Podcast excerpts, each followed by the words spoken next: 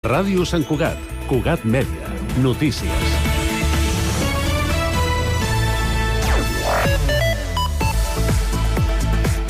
Salutacions. Prendre un aperitiu en una terrassa del centre de Sant Cugat pot formar part d'un dia normal per a qualsevol santcuatenc. Per a la santcuatenca Mònica Vila, el que hauria estat un dia tranquil va acabar sent tot un malson a causa d'una forta mossegada d'un gos de la raça Braco de Weimar que la va obligar a visitar el cap turó de Can Mates. La ferida va provocar que Vila porti més de tres setmanes de baixa mèdica i estigui rebent cures periòdiques per poder cicatritzar-la.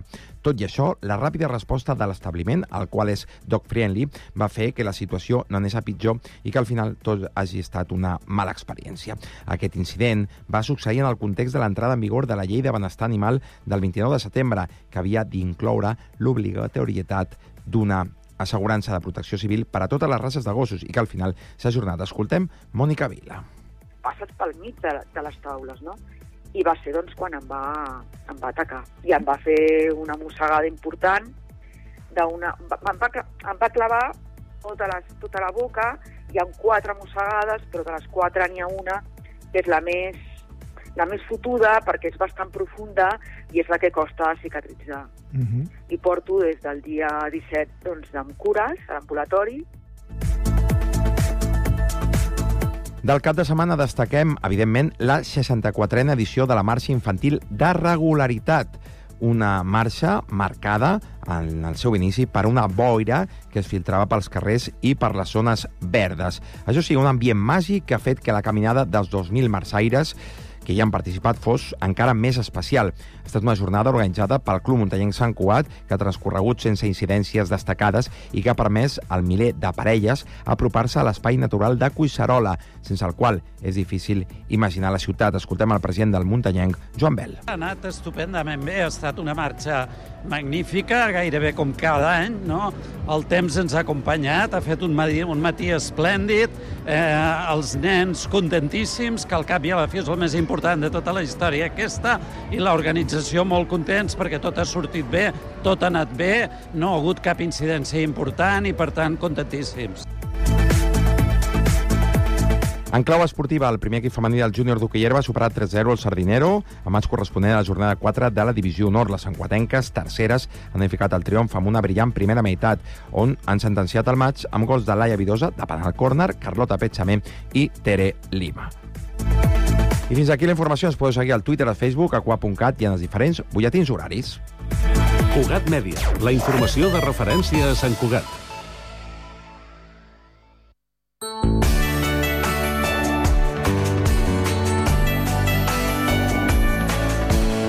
Ràdio Sant Cugat, Cugat Mèdia, 91.5 FM. Hora Sant Cugat, a Cugat Mèdia. Connecta't al patrimoni. Avui, en la revisió que fem del patrimoni del Connectats, ens aturem a Cal Quitèria, a Sant Cugat. Es tracta d'una casa pairal de finals del segle XIX, actualment de titularitat pública, que acull el Centre Grau Garriga d'Art Tèxtil Contemporani. Aprofundirem en aquesta joia arquitectònica de la mà de l'Alba Rodríguez, directora del Museu de Sant Cugat. Aquest podcast és una producció de Ràdio Sant Cugat. Alba, bona tarda. Bona tarda. Avui parlem, jo deia, d'una altra de les joies eh, que tenim a, a la ciutat. Parlem de Calquitèria. Explica'ns de qui era propietat i una mica quina és la seva història. Doncs, mira, és una, una casa que la va construir eh, un membre de la família Païssa i és interessant perquè, de fet, va estar durant cinc generacions a mans de la mateixa família fins que finalment va passar a, a propietat municipal, no? I la seva història és, és interessant perquè s'emmarca en, en la història del que diem el Sant Cugat del Vi, que és, de fet és el Sant Cugat del Vi, però és una història compartida amb molts altres municipis del país, no? de, del Vallès, del Baix Llobregat, del Penedès, perquè va haver-hi una època al llarg del segle XVIII i sobretot al segle XIX en què l'economia vitivinícola va ser com el motor eh, econòmic i d'expansió. El territori s'especialitza no? en el conreu de la vinya, l'elaboració del vi. Això comporta uh, la, la construcció de noves cases per acollir els, els, els pagesos no? que conreaven aquestes vinyes, Llavors, es, en totes les viles i totes les ciutats actuals se, queden segurament, no? bueno, segur, vaja, um, indicis uh, d'aquesta època i Sant Cugat és un dels llocs on, on es manté més. No? I Calquitèria és una petita joia, diguéssim, dintre d'aquest context.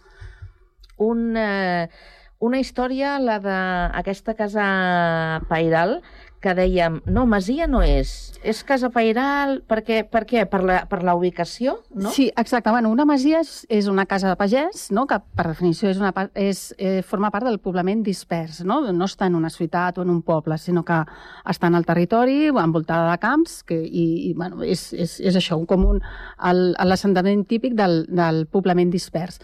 I que el Quiteri és una casa urbana que quan es construeix forma part d'una renglera de cases eh, dintre d'una urbanització d'aquest període, no? de finals del, del segle XIX, que, bueno, que s'emmarca en aquest context que comentava no? de, de creixement eh, econòmic i creixement urbanístic. No? És un moment una mica que li diem la febre d'or del vi, un moment d'eufòria, no? de, perquè és un moment de bonança econòmica, els pagesos s'enriqueixen no? amb la producció del vi, coincideix amb el moment en què eh, hi ha la filoxera a França, que França era com el, el principal competidor de, de, de l'elaboració del vi, eh, llavors com que passa la filoxera es queden sense produir i tots els altres eh, veïns o, eh, aprofiten l'ocasió. Exacte, aprofiten l'ocasió i és, el, és aquesta eufòria no? que, que venen vi a, a gran quantitat i s'enriqueixen i això deixa empremta en, en els pobles perquè bueno, s'amplien, fan cases um, amb millors condicions molt senyorials, no? De grans dimensions, perquè bueno,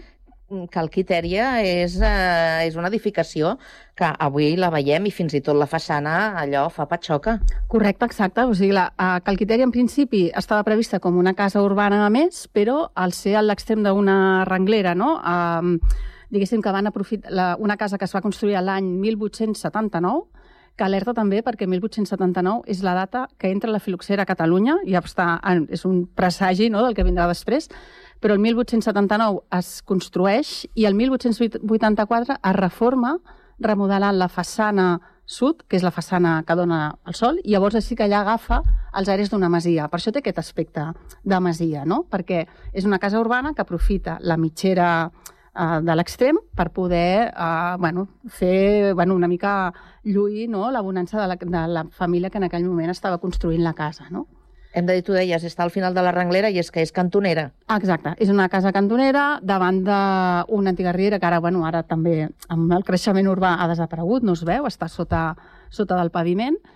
I llavors és una casa que per l'exterior, tal com dius, és com una casa d'aspecte senyorial i a l'interior, eh, de totes formes, es manté, tot i que ja està remodelada i ara acull aquest centre eh, d'art tèxtil, conserva bastant l'estructura original i molts dels elements originals i es veu com eh, és la típica estructura de casa pagesa, no? amb els espais de treball pagès, el celler, el, els llocs d'elaboració del vi, eh, i després l'espai més d'estada de, de, de, de la família. No? Una, una petita sala, la sala de rebre amb unes pintures, que després, si vols, les comentem, que són molt interessants. Eh, a la planta pis, les, les habitacions amb alcova, Bueno, això s'ha perdut una mica per, per la remodelació, però encara es pot observar no? aquestes traces. Són dues plantes? Dues plantes i la planta golfes, uh -huh. que és la planta on abans eh, s'assecava el producte de, um, agrícola no? i on també es, es tenien les aus, no? entre altres coses, criaven pollastres i d'allò. I, i, bueno, és tot molt interessant també perquè eh, també volia dir no, que a la família Païssa vam tenir l'ocasió de poder parlar amb els últims Païssa que havíem viscut a la casa, especialment amb la Maria Païssa, que ens va donar moltíssima informació no, de la vida que hi feien i conserven també moltes fotografies, moltes llibretes, llibretes del llarg del segle, del segle XX, no? dels, dels, dels, dels pares, els avis, dels besavis pagesos, on recollien pues, bueno, moltes coses del dia a dia i que, i que ens donen compte de, de com es vivia aleshores. Mm -hmm. Si féssim una fotografia a veure, fem una descripció de, de com és aquesta façana, que té un element que és com molt identificatiu no? I, i molt eh, representatiu, que és aquest rellotge de, de, de, de sol. sol. Sí, sí, sí.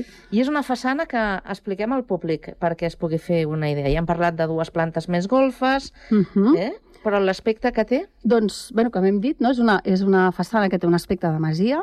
Llavors, l'element més característic, segurament, o el que més destaca, és la part superior, perquè té aquestes obertures eh, com si fos una galeria d'una masia, no? I a sobre de tot això queda coronat per aquest rellotge, rellotge de sol que es va restaurar eh, amb les obres que es van fer de cara a la, a la remodelació de l'edifici, gràcies també perquè conservem un dibuix de com era la casa el 1884, i allà es podia veure bé com era, com era aquest rellotge. És, és un dibuix que, bueno, que conserva la família Païssa i que, bueno, que és, que és molt, molt interessant per aquest, per aquest motiu, no?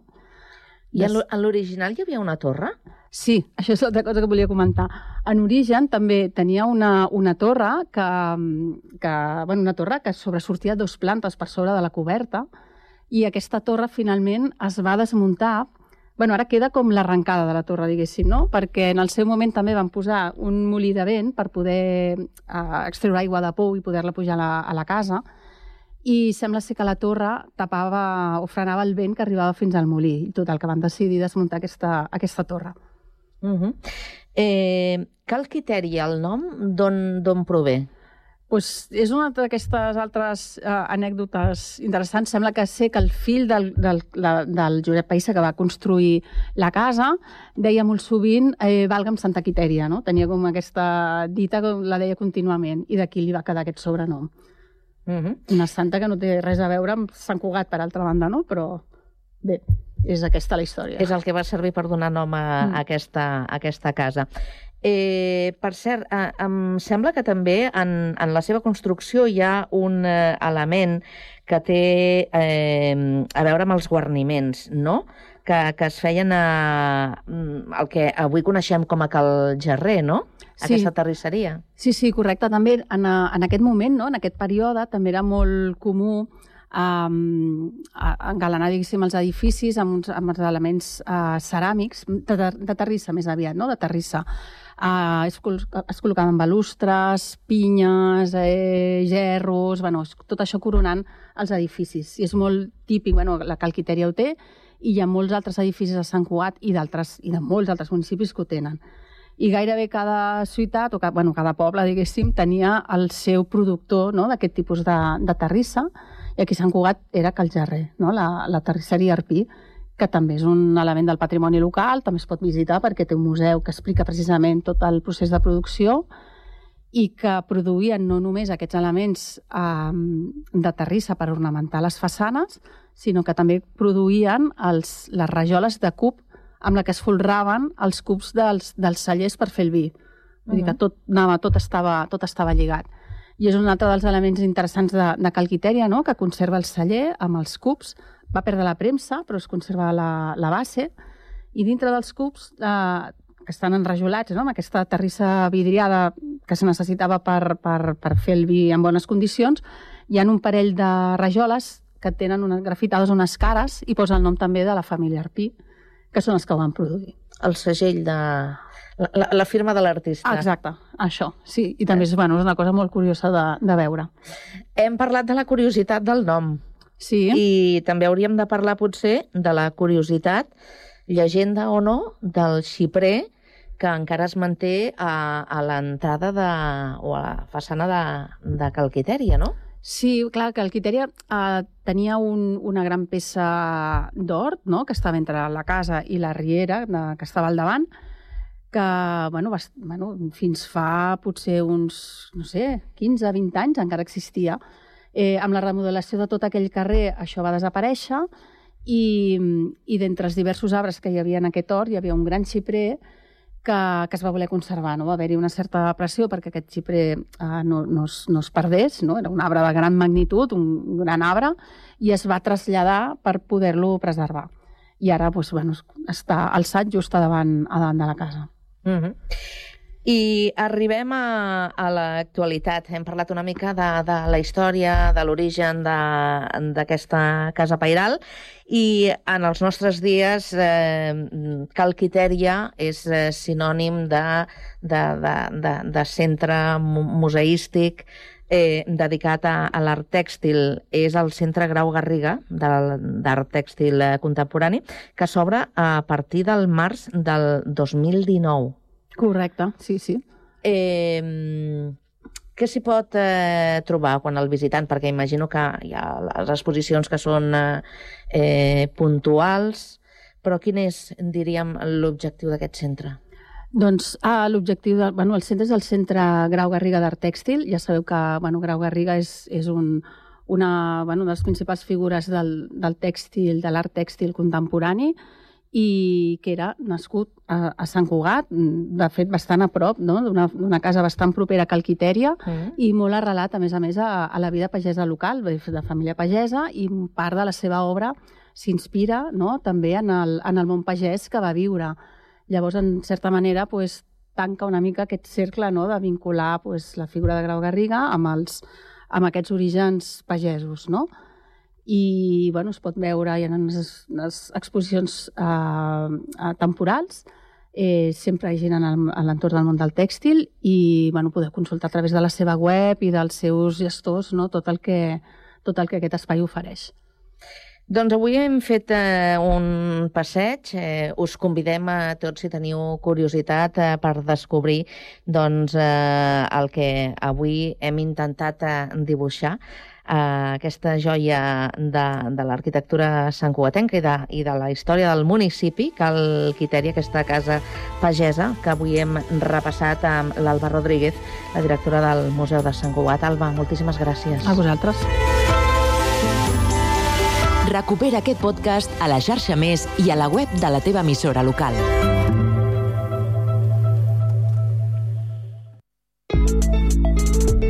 Estrenem l'APP del Picalletres. Paraules i jocs lingüístics per a tothom. Descarregueu-vos l'APP a Google Play o a l'App Store i comenceu a jugar. Ràdio Sant Cugat. Ràdio Sant Cugat. La Maroteca de la Ràdio. Un programa de ràdio que parla de ràdio. La Maroteca de la Ràdio. Escoltarem programes de ràdio dels últims 40 anys. La Maroteca de la Ràdio. Un programa on despertarem la teva nostàlgia. La Maroteca de la Ràdio. T'esperem els dilluns a les 12 del migdia a Ràdio Sant Cugat, 91.5 FM.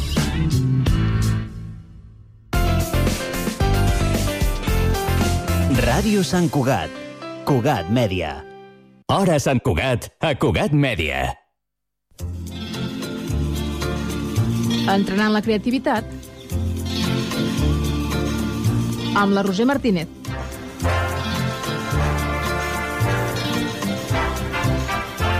I clar que sí, setmana a setmana ens agrada impulsar aquesta creativitat, entrenar-la i com sempre ho fem amb la Roser Martínez. Roser, benvinguda. Hola, què tal? Ai, molt bé, i avui amb molta curiositat, perquè avui farem creativitat amb automòbils. Sí. Oito, doncs Sí, sí, anem innovant, eh, setmana a setmana aquí.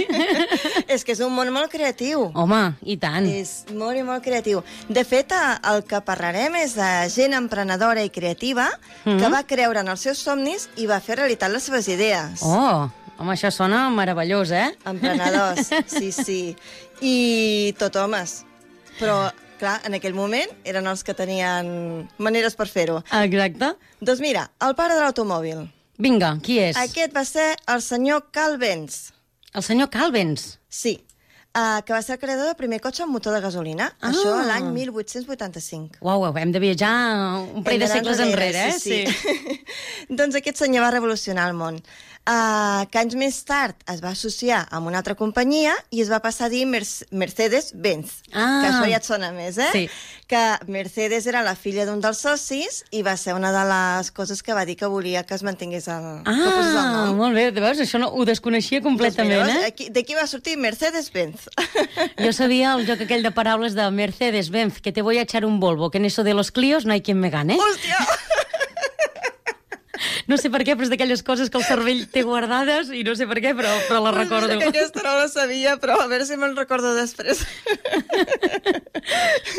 doncs mira, continuem i parlem del senyor Henry Ford. doncs aquest senyor va ser el que va inventar la producció amb cadena.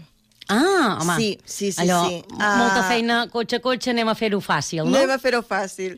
I ell va trobar com automatitzar la fabricació de cotxes. El primer que va fer va ser el model uh, T. Mm -hmm. I va ser un model que va poder reduir molt els costos de fabricació i així es va poder donar l'opció a que més gent tingués vehicle en aquell moment, no? Clar, perquè en el seu moment era molt elitista tot plegat, entenc, sí, eh? exacte. I quan va arribar aquest senyor, a partir d'aquí ja era més a l'abast de tothom.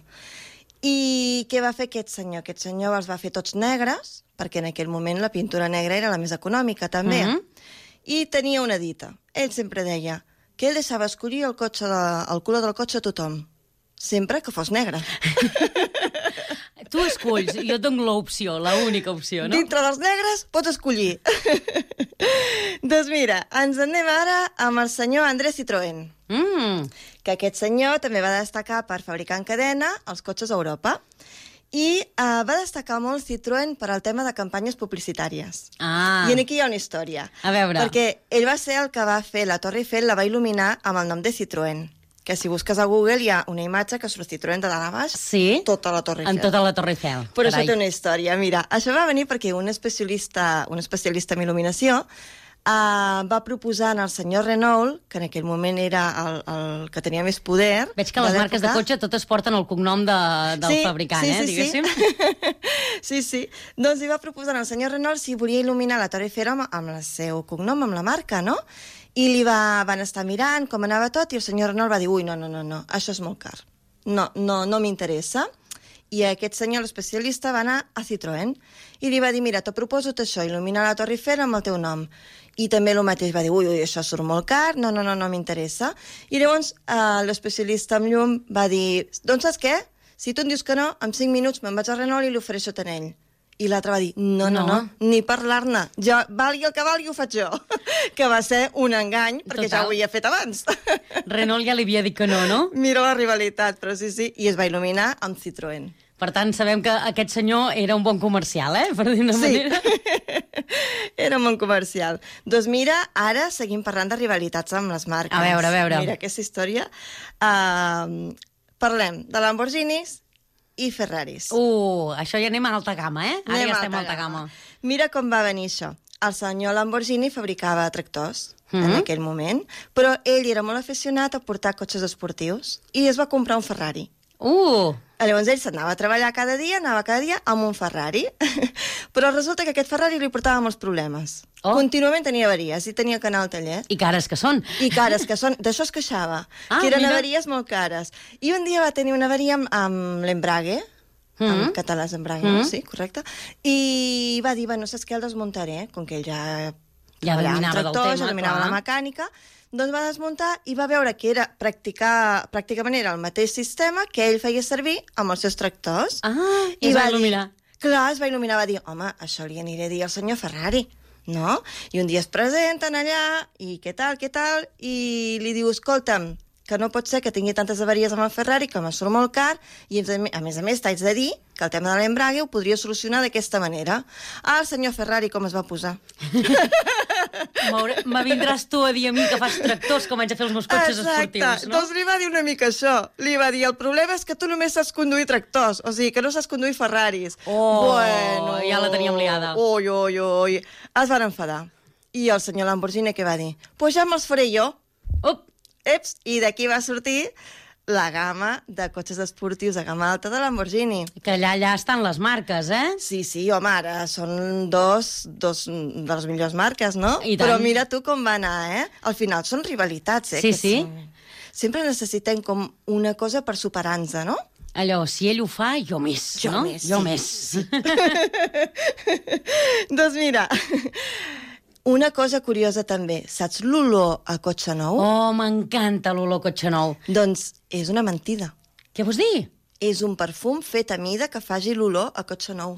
Doncs mira, que jo l'altre dia vaig dir, jo vull que el meu cotxe torni a fer olor cotxe nou. Ah, doncs tinc la solució? Sí, perquè jo em vaig comprar l'ambientador d'olor de cotxe nou i el que vam aconseguir és intoxicar-nos una mica, però olor cotxe nou ja et dic jo que no m'ho fa pas. Bueno, ja una mica és això, perquè l'olor a cotxe nou és una composició de, de productes químics i que es treu de l'olor de plàstics i metalls mm -hmm. que es Mhm. fan servir amb els cotxes. I clar, una mica tòxic diuen que sí que pot ser aquesta olor. Sí? Però, bueno... i- Ens hauries- agrada, però- Hauries de- d'estar 24 hores al cotxe tota la vida. però bueno, mira... Uh... Oita, doncs, si trobes la fórmula, avisa'm, perquè, bé, ja, ja obriré que ventili que no sigui tòxic, És però l'olor provant, cotxe nou, perquè hi ha, com ens amb- agrada. hi ha amb perfum i després hi ha amb ambientador. O sigui que això ja has d'anar provant a veure quin... Sí, ja dic jo que el, el que he provat, mm, no, no, no, l'he- no l'he enganxat bé. Devia no. ser barato. Sí, també, també pot ser això. doncs res, ens en anem a pel·lícules. Oh, sí. Home, pel·lícules i cotxes, ens hi podem estar una hora aquí parlant, eh, Roser? I tant. Però vale, si ens anem a mirar un cotxe, una pel·lícula, qui ens apareix?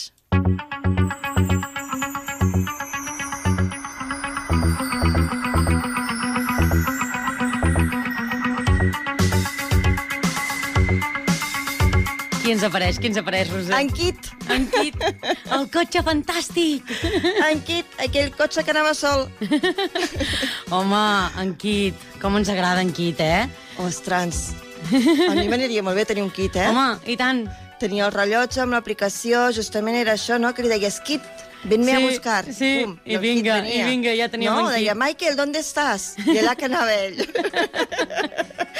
Tens tota la raó. doncs en Kit, mira, fa 41 anys 41 anys, ja? que es va estrenar Kit. Uau, Sí. home. I, clar, ja era molt revolucionari, era molt innovador en aquell Sí, moment. O sigui, el guionista realment era un visionari. Perquè moltes de les coses que feien Kit ara ja es fan. Sí. Però clar, en aquell moment... Però això passa molt amb les pel·lícules, també, eh? Allò... Sí, ara parlarem d'una altra. Ah, val, a veure, a veure, a veure, a veure, de quina, de quina. Però espera, que amb en Kit hi ha una cosa que em va fer molta gràcia, perquè en Kit tenia uh, uns sensors en el seient sí. que li detectaven en en Michael com estava. Ah, sí? Sí, si s'havia enamorat, si s'havia fet mal mentre uh, aquelles coses, les piruetes que ell feia, i ho detectava tot, i llavors li deia, Michael, què te passa? Sí. Cuéntamelo. Cuéntamelo. I això, mira, em va fer molta gràcia perquè a mi em va passar una cosa que no té res a veure amb el kit, però era amb un cotxe, que ens van deixar un cop un cotxe i jo vaig començar a tenir molta calor a, a lo que és el seient, no? Però mm. -hmm. molta calor era molta calor, que suava. Jo dic, ui, què m'està passant? I jo, jo li deia, treu la calefacció, que... No, no, si la calefacció està parada. Dic, pues, jo tinc molta calor. Bueno, que bullia el seient. Però resulta que era un cotxe amb calefacció en el seient. Clar, que això va molt bé per parlo de les... fa molts anys i jo no sabia. que això existia, no? Exacte. I quin riure, de veritat. I ara, al parlar del kit, dic jo, mira, i a mi em va passar això, ja no... Mira. Home, això és meravellós per les lumbars, quan tens mal d'esquena. És un remei fantàstic anar-te'n a fer una Sí, volta amb sí. cotxe amb això. El problema és que també se t'escalfa sota el cul i arriba un punt que dius ha de fer molt fred per voler tenir tota aquesta calor corporal, eh? Perquè si no és complicat i et passa com a tu que dius no sé què m'està passant, No sé- però m'estic morint de calor, sí. eh? No m'imaginava en aquell moment que era això. doncs mira, següent pel·lícula. Quina? Regresa al futuro. Oh! Ah, aquí sí que aquest cotxe aquest cotxe et traslladava. Et De- portava de... temporalment. Exacte, sí, sí. Deia, on te vols anar? D'una època a l'altra. I volava, i a més a més ja el van anar evolucionant Mm -hmm. a, a segons anaven fent les pel·lícules, i va, el que van lograr també és co uh, convertir, el, o sigui que el combustible transformava el que era l'escombraria i els residus amb energia. Ah! Que això és una cosa molt Home, bona, sí, eh? i tant. No sé si ja tam- això- Haurien també de posar-hi Jo atenció crec que ja algú aquí, ja, eh? ja, ja s'està fent alguna cosa d'aquestes. I mira, i per acabar amb cotxe de pel·li, per canviar de tema, un altre, el, Bat, el del Batman, el Batmòbil. el Batmòbil, home. Que això era un tanc, eh? Sí, sí, sí. Això era un tanc. Això era un cotxe que, bueno, uh, aquí no hi havia dolent que, que s'escapi. A mi m'estàs fent pensar que només amb cotxes hem somiat molt gran part de la població, eh? Ja parlant de, de Ferraris i Lamborghinis al principi, però jo crec que en Kit o altres que ens estàs posant d'exemples, n'hi ha molts que els voldríem tenir a casa, aquest cotxe, eh? Sí, sí, sí, sí, la veritat que sí. Mira, el cotxe és un... Al final és un objecte de desig, també, Sí, eh? i tant. Sí, sí. doncs mira, ara canviarem una mica de tema, perquè si anem a pensar en una atracció de fira inspirada en els cotxes... Oh, Els autojocs. Hombre. Que això no passarà mai de moda. I No. tranquils, que aquella cosa rodona taronja, encara que tingui 30 anys, us seguirà servint pels autojocs, eh? per això no ha pas canviat, eh? Sí, sí. doncs mira, ens ambientem? Vinga. Y era un domingo en la tarde, fui a los coches de choque. Estaban pinchando el disco que a mí tanto me ponen. Fui a sacar cuatro fichas y me compré un abono.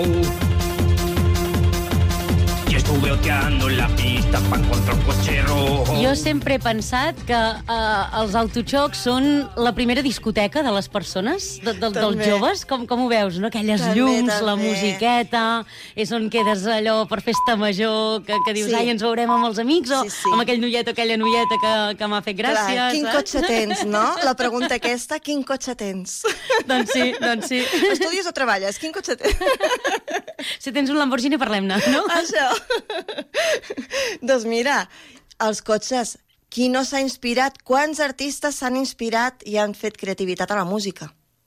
Amb cotxes? Amb cotxes, molts, mira, ara veuràs. A veure, a veure, ajuda'm. Mira, ens anirem una mica enrere i anirem avançant. Per exemple, els inhumanos, Mm. que deien que difícil és hacer el amor en un 5.000. Ah, és veritat? En Loquillo, que deia, estoy aquí sentado en un Cadillac de segunda mano. Sí. I després d'Estopa, que deien que un Seat Panda se me cruzó y se comió el parachoques de mi Ford Escort. Sí, exacte. I ara aquest estiu, què ens ha dit la Shakira? Canviaste un Ferrari per un Twingo. Sí. És veritat. És Ai, doncs hi veritat. són molt presents també amb la música. sí, però tens és que tota n'hi ha moltes, eh? Al final tinc que fer una selecció, però quan començo a buscar dic, bueno... I al final, per acabar el programa, uh, abans de fer el tip, he pensat que la de Tiets, que és, uh, parlen d'un Mercedes-Benz que pilla el 200. El 200? Els 200. Un Mercedes-Benz pilla el 200? Se'n valen a tope. A veure... costat era la seva parella i ell i ella era molt trapella.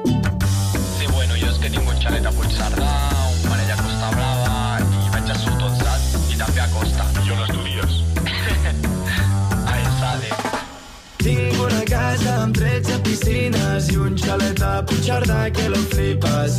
Un Mercedes-Benz que pilla 200 i vaig a un col·le superelitista. Tinc una casa amb 13 piscines i un xalet a Puigcerdà que lo flipes. Un Mercedes-Benz que pilla 200 i vaig a un col·le superelitista. Home, doncs sí. I a part, cotxe calité, eh? El tenim com relacionat amb, amb qualitat, el cotxe, eh? També? Com ho veus, això? Sí, sí, eh que sí? tot el que estan dient ja és... Sí, ja, ja, ja denota, ja denota. Tip creatiu, tip creatiu de la setmana. Vinga, a veure, tip va. creatiu amb els cotxes. Quina- Farem Sí? imaginar. Imaginar? Sí, crearem el nostre cotxe, el cotxe dels nostres somnis. Oh, com seria aquest cotxe? Com seria? Agafem paper, agafem llapis... Sí. I comencem a apuntar què ens agradaria que tingués aquest cotxe. Molt bé. Pues coses eh, que té el kit, coses que tenia el del futur... No, coses... no cal que sigui real, podríem fer que fes el que nosaltres volguéssim, no? Sí, la creativitat es tracta d'això. Imaginació al poder, tot, tot el que vulgueu, i a partir d'aquí, bueno, amb olor a roses, amb... que tingui coses per menjar, el que sigui. El que sigui. Oi, O doncs, sigui que ara m'estàs fent imaginar- pensar. El meu hauria de volar. Bueno, Hauria de volar, el meu. Sí, sí, sí, perquè... sí, jo crec que seria bona cosa tenir un núvol per aparcar-lo. Oh! No? Home! I després que ens baixés automàticament. Així Ens ja no encanta. De... Sí, sí, un núvol de pàrquing. Doncs mira, aquí la imaginació i aquí està que entrenem la nostra creativitat, que cadascú faci com vulgui, eh, que sí? Pues sí. Doncs Roser, com sempre, ha estat un plaer, moltíssimes gràcies. Et sembla que acabem d'escoltar detallets, el grup de moda d'aquest estiu? Escoltem. Vinga, amb Gràcies. aquests recursos humans. gràcies, Roser. Gràcies. He fet servir l'excusa de que no m'anava a l'Insta perquè em passessis al WhatsApp. I si no funciona, sempre quedarà la típica de... Ei, m'he perdut. M'ajudes a buscar les meves amigues? I de pas anem a fer un cigarro, no? Tinc una casa que no té piscina, però té unes vistes que tu al·lucines. Passa'm a buscar, anem a alliberar tota la tarda la nostra endorfina. Tinc una casa que no té piscina, però tinc la nevera plena de trina. Vine'm a buscar, anem a carregar el teu dipòsit ben ple de benzina. Mai, mai, he mentit la meva edat i en què feia una carrera quan feia batxillerat i amagat.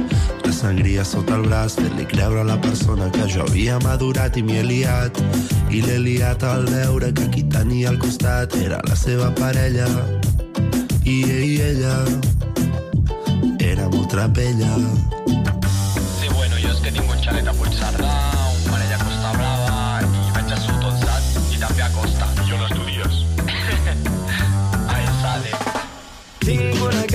amb 13 piscines i un xalet a Puigcerdà que lo flipes. Un Mercedes-Benz que pilla 200 i vaig a un col·le superelitista. Tinc una casa amb 13 piscines i un xalet a Puigcerdà que lo flipes. Un Mercedes-Benz que pilla 200 i vaig a un col·le superelitista. Tinc...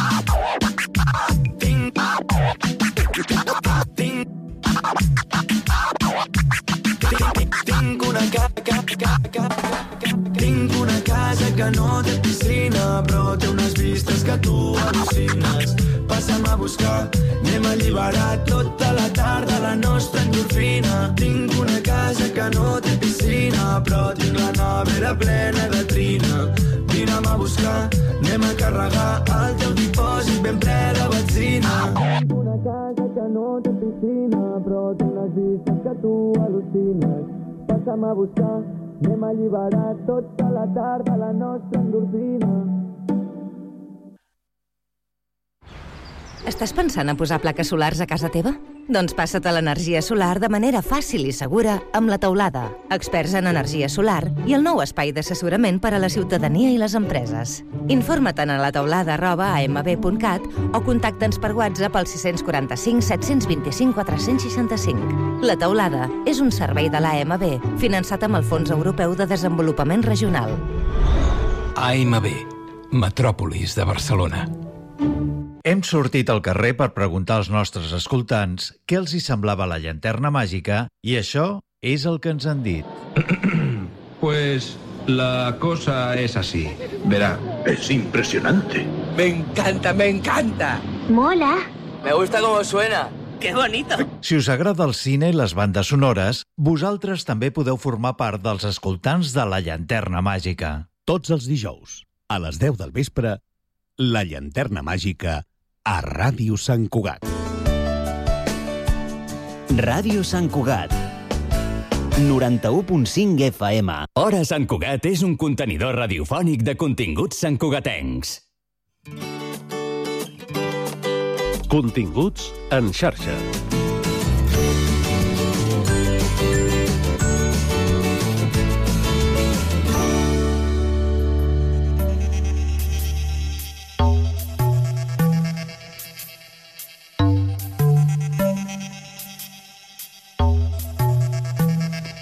L'àrea metropolitana de Barcelona i l'Institut de Ciències del Mar han posat en marxa Bioplatges Med, un projecte científic que vol comptar amb la participació ciutadana que té com a objectiu promoure la gestió sostenible dels ecosistemes de platges i dunes, analitzar l'impacte de les accions i estratègies que s'implementin per protegir els ecosistemes dels litorals.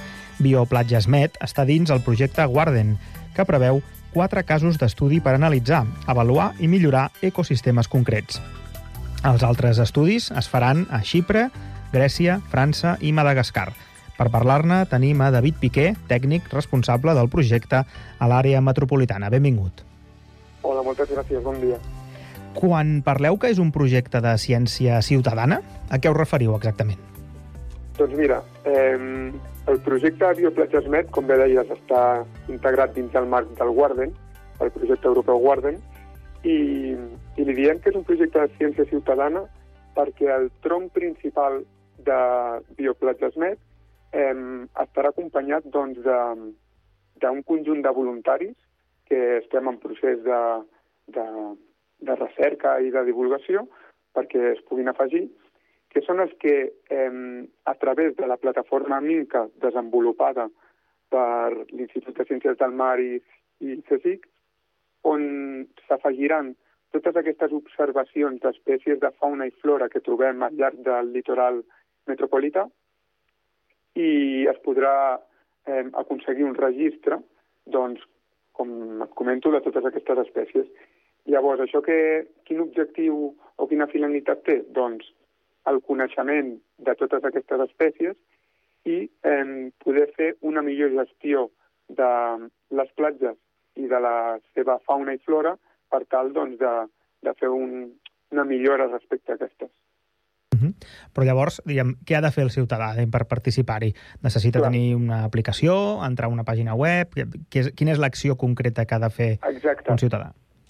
Doncs, com dius, eh, a través de l'aplicació Minca, aquesta que us comentava, eh, el voluntari o el ciutadà es, pot descarregar aquesta aplicació a, al telèfon mòbil, ja sigui Android o, o iOS, i es descarrega aquesta aplicació, l'obra es registra molt fàcil amb un correu i un nom d'usuari i a partir d'aquí, amb la ubicació activada, tu eh, per qualsevol punt de la platja pots anar i a qualsevol espècie de fauna o flora que puguis observar i que trobis interessant, es fa una imatge, es pot fer un suggeriment de l'espècie que tu creguis que és i es puja al teu perfil.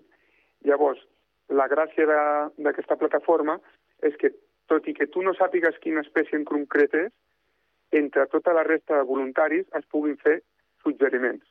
I igual tu creus que és una espècie concreta, però un altre usuari et diu mira, fixa't que aquí eh, aquesta espècie té aquesta forma o aquesta planta la, té tants pètals i l'altra en té tants altres. Llavors, entre els usuaris eh, es pugui crear una dinamització i una comunitat per compartir aquestes opinions i, i ajudar a fer créixer el coneixement.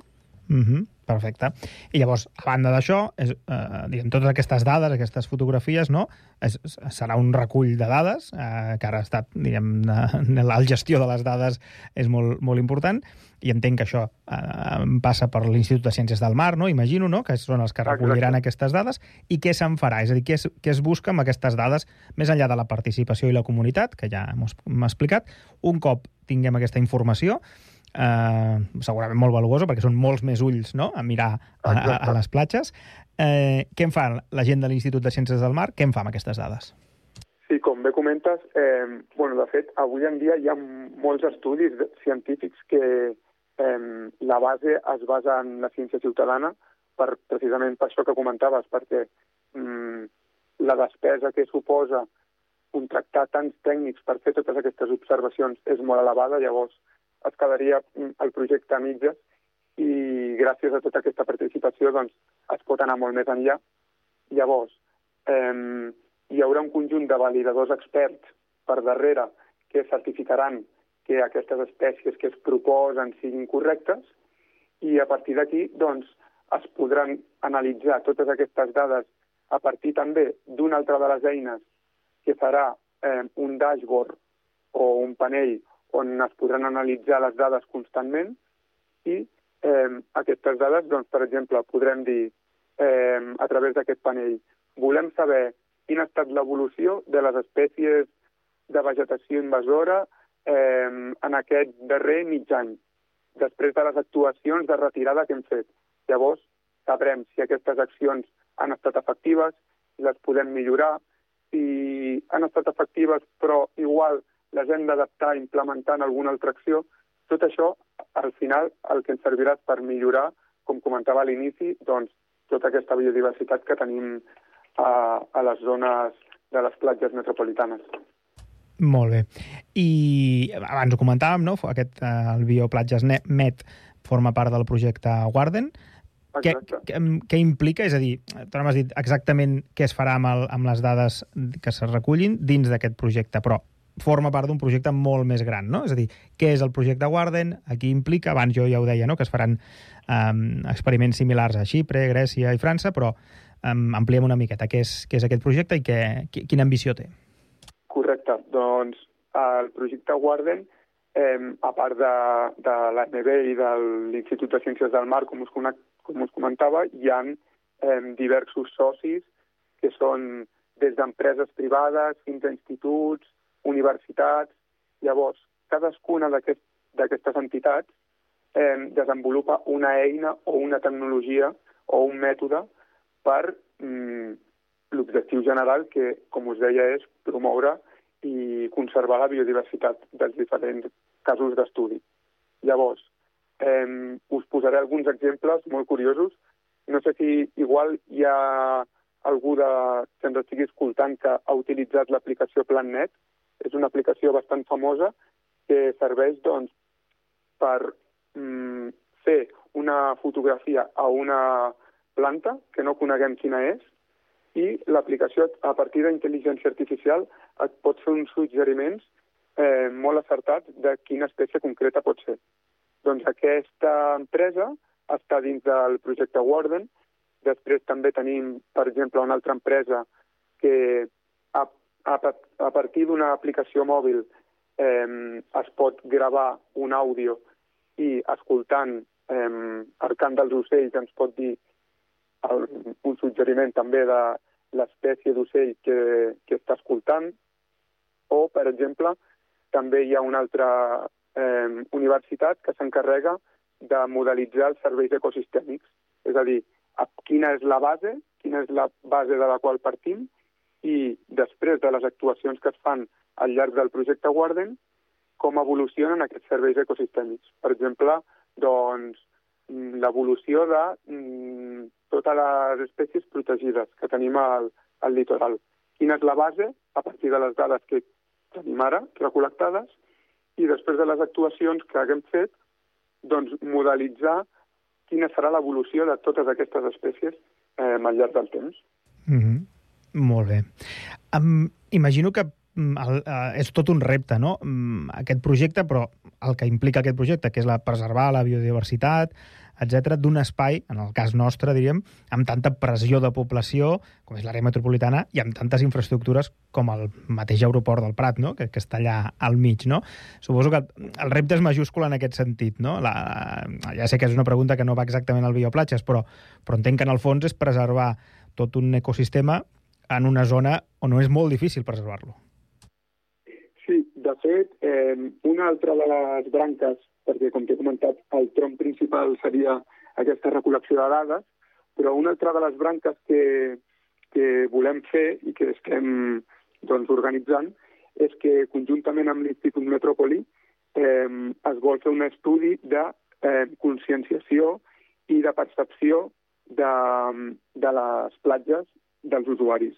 Llavors, es realitzaran unes enquestes de quina és l'opinió que té un usuari eh, que vagi a les platges, que tradicionalment doncs, havia sigut mm, principalment l'oci a la platja, prendre el sol, anar al xiringuito, i després d'explicar-li el projecte, de fer-li veure tota aquesta quantitat de biodiversitat que a priori igual mm, desconeixem, quina és aquesta percepció? Doncs, ostres, mira, a part d'anar a, a la guingueta a prendre alguna cosa, doncs em puc fer un passeig per aquí i coneixo aquesta espècie, veig aquest ocell que està protegit o veig aquesta sargantana que també està protegida.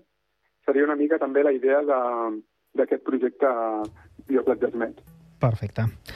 Doncs moltíssimes gràcies, David Piqué, tècnic responsable del projecte Bioplatgesmet de l'àrea metropolitana de, de Barcelona. Moltíssimes gràcies per explicar-nos.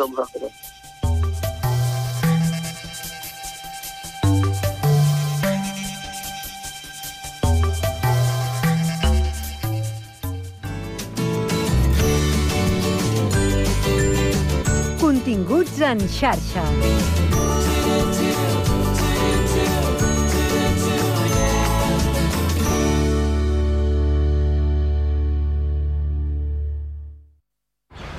Estàs pensant a posar plaques solars a casa teva? Doncs passa't a l'energia solar de manera fàcil i segura amb la teulada, experts en energia solar i el nou espai d'assessorament per a la ciutadania i les empreses. Informa't a la teulada arroba amb.cat o contacta'ns per WhatsApp al 645 725 465. La teulada és un servei de l'AMB finançat amb el Fons Europeu de Desenvolupament Regional. AMB, Metròpolis de Barcelona. Hem sortit al carrer per preguntar als nostres escoltants què els hi semblava la llanterna màgica i això és el que ens han dit. pues la cosa es así. Verá, es impresionante. Me encanta, me encanta. Mola. Me gusta cómo suena. ¡Qué bonito! Si us agrada el cine i les bandes sonores, vosaltres també podeu formar part dels escoltants de La Llanterna Màgica. Tots els dijous, a les 10 del vespre, La Llanterna Màgica a Ràdio Sant Cugat. Ràdio Sant Cugat. 91.5 FM. Hora Sant Cugat, a Cugat Mèdia.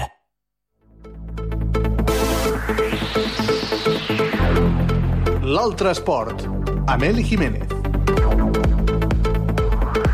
Ens retrobem una setmana més en l'Altre Esport, el programa que us apropa als esports minoritaris de casa nostra. I avui, aprofitant aquests últims dies de bon temps, abans que arribi el fred, parlarem de refugis de muntanya. Els refugis de muntanya són edificis destinats a allotjar i també a protegir de les inclemències meteorològiques a alpinistes, a excursionistes i se situen en zones de muntanya o en altres zones normalment de difícil accés. Al Pirineu català hi ha un bon nombre de refugis repartits per tot el territori, que es divideixen en refugis guardats i refugis lliures. Una gran part dels refugis guardats estan gestionats per la Federació d'Entitats Excursionistes de Catalunya. Són bastant grans, ofereixen una sèrie de serveis bàsics i estan oberts a l'estiu i en períodes de vacances. En l'absència del guarda, a més, aquests refugis guardats tenen un espai per a unes poques places que es fan servir també com a refugi lliure. Entre aquests refugis guardats hi figuren l'alberg excursionista de l'Albiol, el Baix Camp, el refugi Agulles, a la Noia, el Certascan, Mallafré, als estanys de Sant Maurici i el Vall Ferrera, al Pallars Sobirà, el refugi Colomina, al Pallars Jussà, el Coma de Vaca, al Ripollès, la Morera de Montsant, al Priorat, l'Estanys de la Pera i el Prat Aguiló, a la Cerdanya, el Fontferrera, al Montsià el Lluís Estassen, el Pedraforca, el Sant Jordi i el Serra d'Ensija al Berguedà. La Federació d'Entitats Excursionistes de Catalunya també gestiona alguns refugis no guardats. En aquest cas són refugis més petits i estan sempre oberts, sense guarda. Disposen de lliteres, també d'emissora d'emergència i de material de rescat. I com a refugis lliures tenim el Bessi Berri a l'Alta Ribagorça, el Ballau, Broate i Montroig al Pallars Sobirà, el Costa Bona, el Ripollès i el Moliers a la Val d'Aran.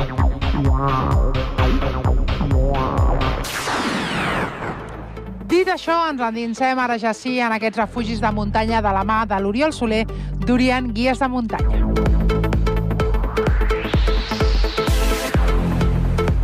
Amb el nostre convidat hem començat fent una petita introducció i diferenciant els refugis guardats dels lliures. Un refugi de muntanya, al final, és un edifici al mig d'un espai natural que ens servirà per protegir-nos del mal temps i o poder planificar això, rutes més llargues i, i de diversos dies.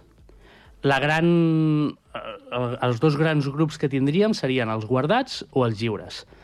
Als guardats sempre hi ha una persona eh, que s'encarrega de, de, de l'allotjament. Vindria a ser, per entendre'ns, una casa rural, no?, al mig de la muntanya, eh, amb les característiques de que estigui al mig de la muntanya, que això és important, i ja hi parlarem, eh, on tenim uns serveis mínims, uns serveis que serien allotjament, bar-restaurant, um, que, que nosaltres podem contractar des d'un principi o inclús, si passem per allà, doncs podem parar a fer un entrepà uh -huh. o a fer el que, el que sigui. També hem parlat de la reconversió dels refugis durant i després de la pandèmia. De fet, hi ha refugis que cada cop se n'acostumen més, inclús a partir de, del tema del Covid, que, no, que va ser una gestió molt complicada, pensem, el tema de, dels refugis de muntanya, habitacions de 10, 15, 20 persones, gestió de Covid va ser molt complicat, que de fet alguns inclús van tancar allotjaments d'interior i van habilitar uns espais a fora amb tendes de campanya i, i de més. Doncs han, a partir d'aquí es va proposar uh, fer sobretot àpats. I ara inclús alguns allotjaments, alguns refugis de muntanya han deixat no a banda, però han, han obert una altra, com una altra manera, una altra línia de negoci, que és el, el tema dels àpats, d'anar a menjar a un refugi de muntanya.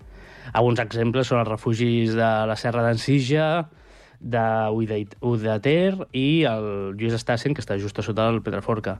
I allà és típic pues, anar a fer la paella de muntanya i, i de més. No? Aleshores, ja no és tant el, el tema de, de contractar l'allotjament, no? de fer la pernocta, sinó d'anar a, a, a fer la ruta d'un dia i aprofitar i dinar un bon, un bon tiberi no? allà al mig de la muntanya. Anem ara amb un dels temes més controvertits, els preus. Què passa? Els preus varien també depenent de, de les característiques del refugi. No? Està clar que normalment els preus, per exemple, de la només per nocta, jo diré que estan entre 10 i 20. Avui dia ja estan més cap als 20, perquè sí que és veritat que abans doncs, amb 10 euros pernoctaves, dormies a, en el refugi i, i, i el dia següent marxaves. Però ara és veritat que s'ha encarit una mica. Uh, hi ha l'opció de pernocta o hi ha l'opció de pernocta més esmorzar, esmorzar i dinar o pensió completa, no? que pensió completa ja ens aniríem a 50, 60, 70 euros depenent del refugi. I la pregunta és per què és tan car tot això, no? Uh, normalment hi ha la, la típica, el que ens ve al cap, no? la Coca-Cola de 3 euros de, del refugi de muntanya. la resposta és com ho porten allà, bàsicament. Ja sigui amb helicòpter, uh, portant-ho al, als, als guardes a l'esquena durant la ruta que hi hagi des del cotxe fins al propi refugi, en refugi dos, tres hores carregant les Coca-Coles, l'aigua, el menjar, eh, l'arròs per la paella, tota l'esquena, amb burros, per sort això es va, cada cop es va fent menys, però, bueno, bàsicament és um, quines maneres tenen de portar tot el que nosaltres utilitzarem en allà, tot el que nosaltres necessitarem, fins al refugi. Per tant, per això s'encareix tant el, el, el menjar i, i el, el cost d'allà. Hi ha el, el, la part del refugi, hi ha la part del, del menjar, inclús alguns, eh, tot i que es va adaptar molt en tema de Covid, però també tenen, ja tenien, la zona de pernocta de zona d'acampada, que bàsicament doncs, és una zona en un espai protegit, com pot ser, per exemple, un parc nacional, que no es podria acampar, al costat del refugi tenen un espai habilitat on sí que podríem acampar i aleshores, per tant, s'ha de fer algun, algun tipus de pagament. Uh, sempre serà molt més econòmic que, per exemple, pernoctar dins del, del refugi. Parlem també de la diferència entre acampada i pernocta. Com a norma general, la paraula acampada està prohibida. No es pot acampar. I uh, en el cap hem de tindre acampar vol dir muntar la tenda, muntar les taules, les cadires, eh, la maca, no? fer un campament. Campament està prohibit en, en tot espai natural. Sí que és veritat que cada comunitat autònoma, per exemple en Espanya, eh, té la seva normativa, però en general l'acampada la, està prohibida. El que sí que es pot és pernoctar, que pernoctar seria de 8 a 8, és a dir, des de que es pon el sol, quasi bé, fins que torna, torna a sortir. Dins d'aquest horari representa que és uh, supervivència, no? És, jo estic fent una ruta, necessito algun lloc on, on poder dormir còmodament. Doncs en aquesta situació sí que puc muntar una tenda. I jo puc programar una ruta d'alta muntanya on hi hagin uns espais on jo dormiré, però sempre dins d'aquest horari i que simplement el dia següent a les 8 del matí jo recullo i ho deixo exactament igual sense, sense haver modificat l'entorn. Um, algunes comunitats, per exemple, uh, com Astúries, um, només deixen acampar a partir de 1.500-1.600 metres d'alçada. Això fa de que hagis de planificar molt bé la ruta per, per dormir uh, en aquestes alçades. Més a baix estaria, estaria prohibit, per tant, molt en compte amb, amb això. I després hi hauria l'altra opció, que és no portar tenda i fer bivac. Bivac, al final, és dormir al ras, es portaria igual que en, en una tenda doncs, la màrfaga i el sac, i aquí el que se li podria afegir és una funda de sac, una funda de bivac, que és un plàstic que transpira, els, els més bons, i dormiríem al ras. Hi ha gent que el que porta és un tarp o un plàstic addicional per poder ficar a sobre i fer una miqueta de toldo en cas de pluges o que gires el temps. Clarament, si anem a fer bivac, hem de saber-ho fer, que al final és molt fàcil, és estirar-te a un lloc i, i dormir, però hem de mirar si ens tocarà el vent, no ens tocarà el vent, la, la previsió meteorològica és superimportant, no és el mateix passar una tempesta en una tenda, dins d'un refugi, o al ras. Aleshores, molt en compte amb això, perquè mm, no podem anar aquí a la muntanya directament a, a dormir en bivac, perquè podem, podem tindre bastant serios problemes. I avui ens acomiadarem amb les rutes de refugis més típiques de Catalunya. Ho deixem aquí i ens retrobem en dues setmanes. I per últim, uh, rutes típiques de, de refugi, no? Rutes amb refugis podem tindre moltes, ja ho hem comentat al principi, de que podem fer rutes d'un dia, jo vull anar a fer un cim, i, i si el, el desnivell és molt alt, doncs tinc opció de, de dormir a la meitat i, i fer-ho en dues etapes, o ja sigui per necessitat o per gust, no? Al final, doncs també és una experiència anar a dormir en un refugi i molta gent ho, ho aprofita. Les dues típiques rutes que tenim a Catalunya de, de refugis, no? que vas alternant diferents refugis, serien la que ja hem comentat alguna vegada, Cavalls del Vent i Carros de Foc. Cavalls del Vent està al Parc Natural del Cadí Moixeró, són 85 quilòmetres la ruta més llarga, amb 5.600 metres de desnivell, per tant, ja déu nhi i són 8 refugis. O interessant d'aquestes travesses que tu pots fer la travessa sencera de Cavalls del Vent, pots fer mitja Cavalls del Vent, o pots fer simplement enllaçant la ruta de cotxe a cotxe, important, doncs fer un o dos dies de, de ruta. Però en allà ho veus que està tot molt ben senyalitzat i, i és molt fàcil. Ràdio Sant Cugat, Cugat Mèdia,